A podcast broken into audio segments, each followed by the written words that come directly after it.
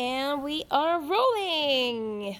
Hi, we're sitting here with Phil Campbell. How are you? I'm very good, thank you. How does it feel to be in Gothenburg?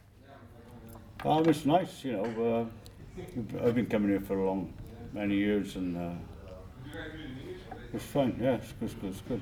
It's good. Nice and quiet today. yeah, it's pretty cold today actually. Tell us about uh, uh, Phil Campbell and the Bastard Son. Sons, actually. It's just a band we've had for about four years now.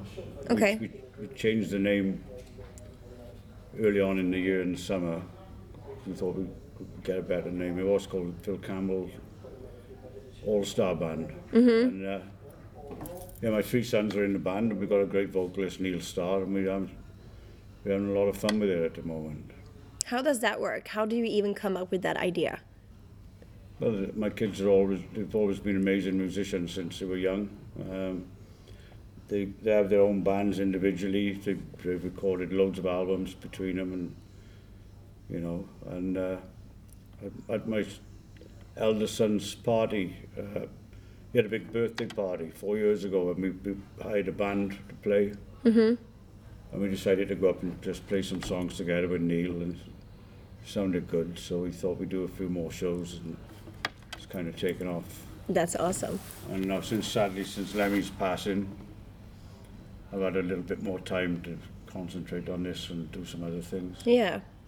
How are you after that? That would that would be like a big, huge Uh, shock. You won't never get over it, you know. But um, you know, at least at least we had a good time for the thirty years. Well, speaking for myself, yeah, and we left a good body of music, you know. So I miss him every day, like obviously. Yeah, of course. All the the other deceased members. Yeah, I can only imagine. It's it's Yeah. got to be totally crazy. But I mean, you guys did such a great job with Motorhead. It's insane. We really like you. We play your music a lot on the radio station. Do you often get to see Mikkey Dee? Um, yeah, we, I've done a few little bits, pieces with him with Saxon, and we did a, a Lemmy 500 Speedway thing, and we did uh, a thing in London. Mikkey's busy with the Scorpions now. Yeah. We, we only saw each other on when we were touring, you know, 'cause he lives in Gothenburg, I live in Wales, so. But um, yeah, it's good. Mikkey's happy, you know, with the Scorpions and everything, so it's Yeah. really good. It's great. Where do you find your inspiration now? I mean, I, I guess you're taking, you were a big part in Motorhead, but now you're doing your own thing. Where do you find your inspiration from now?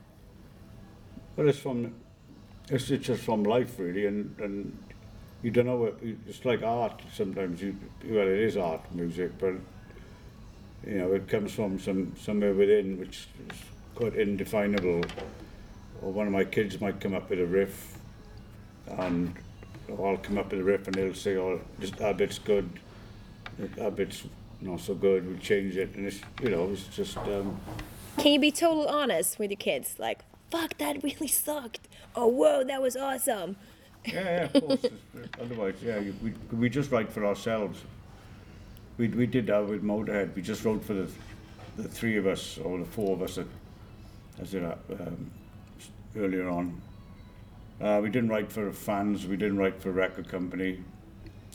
Because when you are, when you start asking people's advice, really, we're not in the band. Then the, the purity of of the in- intention of, this, of it goes, I think. So you, you don't know where you are. Somebody will say this is good. Somebody will say, oh, no, what do you mean it's crap? Or you, you think, well, what is it good? So you've got to go with what you believe. like. Yeah, of course, of course. We just write what we think of good songs, like, you know.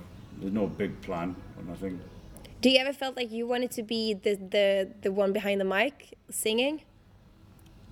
Like Yeah, very, man? very occasionally, yeah. I might, I might on my solo record, I might, I might sing one song or something on that. Yeah, Yeah. I'm, not, I'm not so good, but I can make it. I can make it work. That's awesome. How does it feel to to have like that kind of uh, relationship to your sons? I mean, it's gonna be it's kind of unique Yeah, to to yeah, have a band and, and be out with your sons in that kind of way. yeah, it's just, just I don't know, it is unique. Yeah, it's, it's pretty cool. Yeah. So tell us about the the new album. Well, the new EP, Yeah. oh, it's just, just really bloody good, isn't it? I think, I think yeah, T- uh, Todd produced it so well, and we got it all mixed well and everything and stuff. Hey, Biff. All right, Hey, man. Yeah, yeah. And um, yeah, I'm Make sure really. she's got batteries in. You need batteries at your age. The thing is, when we started the interview, I only had one battery in this recording machine, and that's why you said that. now I got two, so we're we're all good. But um, I forgot what the question was now. What was it? what was it? I can't even How remember. it was to play with your sons? No, Was it? was it? I can't remember. Darren- anyway, the, the EP, yeah, yeah. yeah, yeah, yeah. Yeah, the songs are great, and, and Neil did a brilliant job with the with the melodies and the, Yeah. the lyrics and everything. You know, so uh, I think it's he did a perfect job with it. So I mean, the sound is there. So I'm really pleased. I'm not fed up with it yet. Okay, that's good. Because normally you can get pretty fed up of that kind of music, I guess, where you're playing it on and on and on again. Yeah, sometimes after six months or so, sometimes you can, you know, think, oh God, I don't want to hear that song again. But yeah, You just got to stick to I it. haven't played it for a few weeks, but um, I know I know it's good. Like, yeah. How do you choose, uh, like, uh, uh, the the the one to like record everything and put everything together? Isn't that kind of hard, a hard decision? Or since you've been in the music industry for such a long time, you got good contacts, I guess. But is how how does the, the work behind it works? Well, we, we just we work as hard as we can and, and try and write the best songs we can. And when and when we, th- you know, the, the best ones, you know, we, when when something we think is ready, you know, we, we it's ready. You know, we all we all make the decisions together. Like. Mm-hmm. Okay, so it's not a big thing then, I guess. I mean, you you've been doing this. You're like years of experience. Yeah, quite a Yeah, few. quite a few. Is there anything since you've been doing this for such a long time? Is there anything that you like regret that you didn't do, or feel like I'm gonna do it now? No, I'm, I'm doing my. I always wanted to put a solo record out, and I've I made a good start on it, and uh, then I kind of stopped a little bit to do the, the Bastard Sons EP, but I'll start back on it now in uh, the new year. And we'll also do some Bastard Sons stuff for a full album, hopefully next year and stuff. And then I'll I'll make a good effort on my book, all the Are you writing a book? yeah, I'm planned to. Yeah, so I made a tiny start on it. It's not going to be my life story. It's just going to be all the, the funny, outrageous things which have happened to me and uh, with Motorhead o- over the years. You wouldn't. People are not going to believe it anyway. But it'll, be the, it'll be the truth. What is like the craziest thing you have done though?